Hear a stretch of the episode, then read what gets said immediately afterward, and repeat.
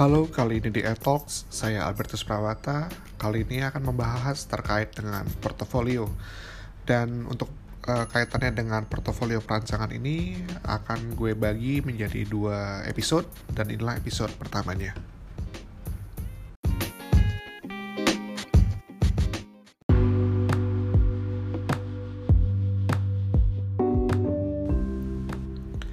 Ya, jadi portofolio ini secara umum merupakan sebuah kumpulan dokumen milik suatu individu atau lembaga tertentu. Isi dan tujuannya tentunya untuk mendokumentasikan, mengumpulkan suatu perkembangan atau proses untuk bisa mendapatkan suatu tujuan yang ingin ditetapkan. Portofolio ini bagi seorang desainer maupun perancang merupakan suatu kumpulan dokumentasi karya-karya yang memperlihatkan proses perancangan bagi desainer ataupun uh, perancang tersebut. Portofolio ini cenderung mengedepankan dan memberikan informasi secara visual. Jadi media portofolio yang paling sering dan paling banyak uh, dilihat tentunya yang paling mudah gitu ya adalah bagian media menggunakan uh, foto atau gambar. Tapi tentunya portofolio itu pun medianya bisa bermacam-macam. Bisa menggunakan media uh, visual lainnya seperti video maupun yang mengandalkan pendengaran yaitu seperti musik.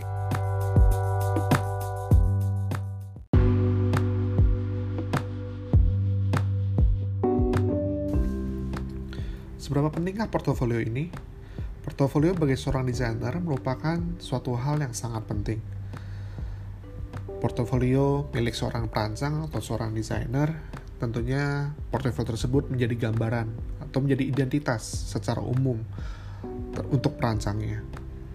Nah, sebagai mahasiswa dengan fokus pembelajarannya uh, pada konteks perancangan seperti di jurusan arsitektur, desain komunikasi visual, interior design, dan seni rupa, portofolio ini merupakan suatu hal yang begitu penting dan rasanya perlu menjadi perhatian sejak awal, sejak dini, bahkan sejak masuk kuliah bahwa mahasiswa-mahasiswa di jurusan seni rupa ataupun mahasiswa-mahasiswa di jurusan yang kaitannya dengan perancangan tersebut harus bisa memikirkan untuk bagaimana menciptakan portofolio yang baik.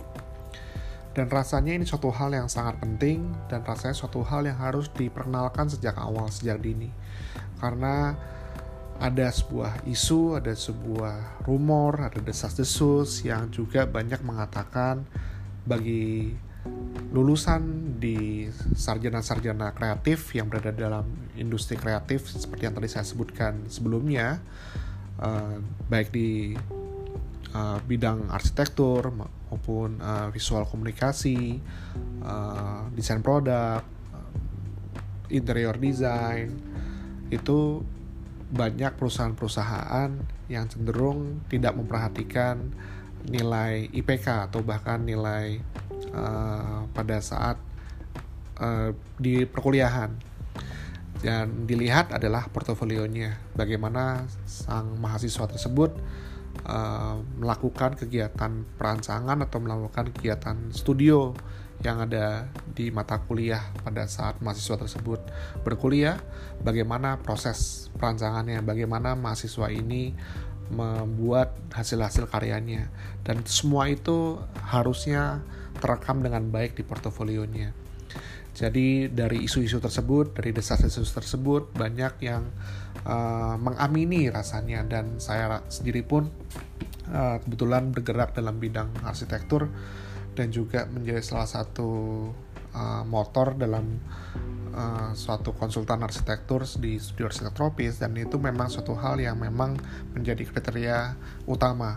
Jadi pada saat nanti mendaftar dalam suatu perusahaan pertama kali yang ditanya biasanya kami akan menanyakan portofolio bukan IPK-nya berapa waktu pada saat kuliah.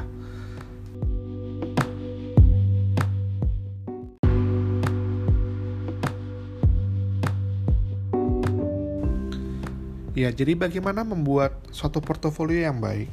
Seperti yang tadi sudah saya sudah mention sebelumnya, sebetulnya portofolio ini merupakan sebuah proses perjalanan dan yang harus di uh, update terus menerus sehingga kita bisa memiliki suatu hasil yang bisa dilihat progresnya. Nah, bagi mahasiswa uh, yang mendalami di jurusan kreatif tadi tentunya perlu pemahaman yang lebih komprehensif terkait dengan portofolio ini. Kecenderungannya yang saya amati, yang saya lihat bahwa portofolio yang dibuat, yang dikumpulkan, biasanya ya portofolio-portofolio yang pengerjaannya ditugas pada saat perkuliahan adalah menggunakan media digital. Nah harusnya ini tidak uh, tidak terjadi bahwa prosesnya akan terpotong. Jadi tugas-tugas perkuliahan di semester-semester awal yang memang cenderung banyak menggunakan media analog maupun manual uh, agak sedikit PR ya, ada tugas tambahan atau pekerjaan tambahan untuk membuatnya menjadi suatu hal yang digital.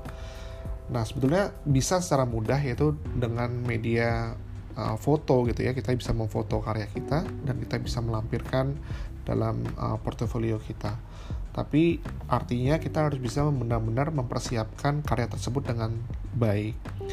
Jadi saya yakin pada saat kita mengerjakan pertama kali karya yang kita buat mungkin kurang baik ataupun butuh banyak uh, sebuah tambahan-tambahan untuk bisa mempercantik karya tersebut karena menurut saya portofolio itu tidak cuma sekedar menunjukkan uh, atau memanjakan mata si penikmatnya atau memberikan efek wow, tapi tentunya proses tadi itu menjadi satu bagian yang yang ingin dilihat terutama bagi para uh, penerima kerja ataupun bagi para uh, in, apa ya insan-insan di dunia industri kreatif gitu ya ingin melihat bagaimana calon-calon uh, karyawannya ini uh, berproses selama mereka melaksanakan pendidikan di pada saat mereka kuliah.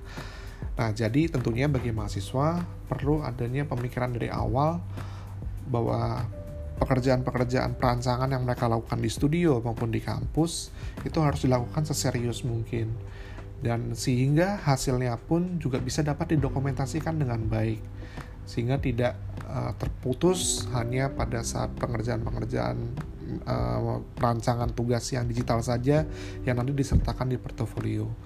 Nah, dengan demikian perlu ada extra effort dari para mahasiswa tersebut untuk bisa mungkin membuat ulang lagi karyanya yang dikerjakan secara manual. Mungkin harus dibuat suatu hal karya-karya yang sifatnya digital. Sehingga tentunya bisa punya warna yang sama warna yang serupa dengan portofolionya. Tapi itu merupakan salah satu caranya cara saja. Rasanya banyak sekali cara yang bisa dipakai, yang bisa digunakan, dan contoh-contohnya pun juga sudah banyak sekali. Jadi kita bisa melihat contoh-contoh yang sudah ada dan rasanya dengan um, zaman digital yang begitu cepat ini kita bisa mudah mendapatkannya.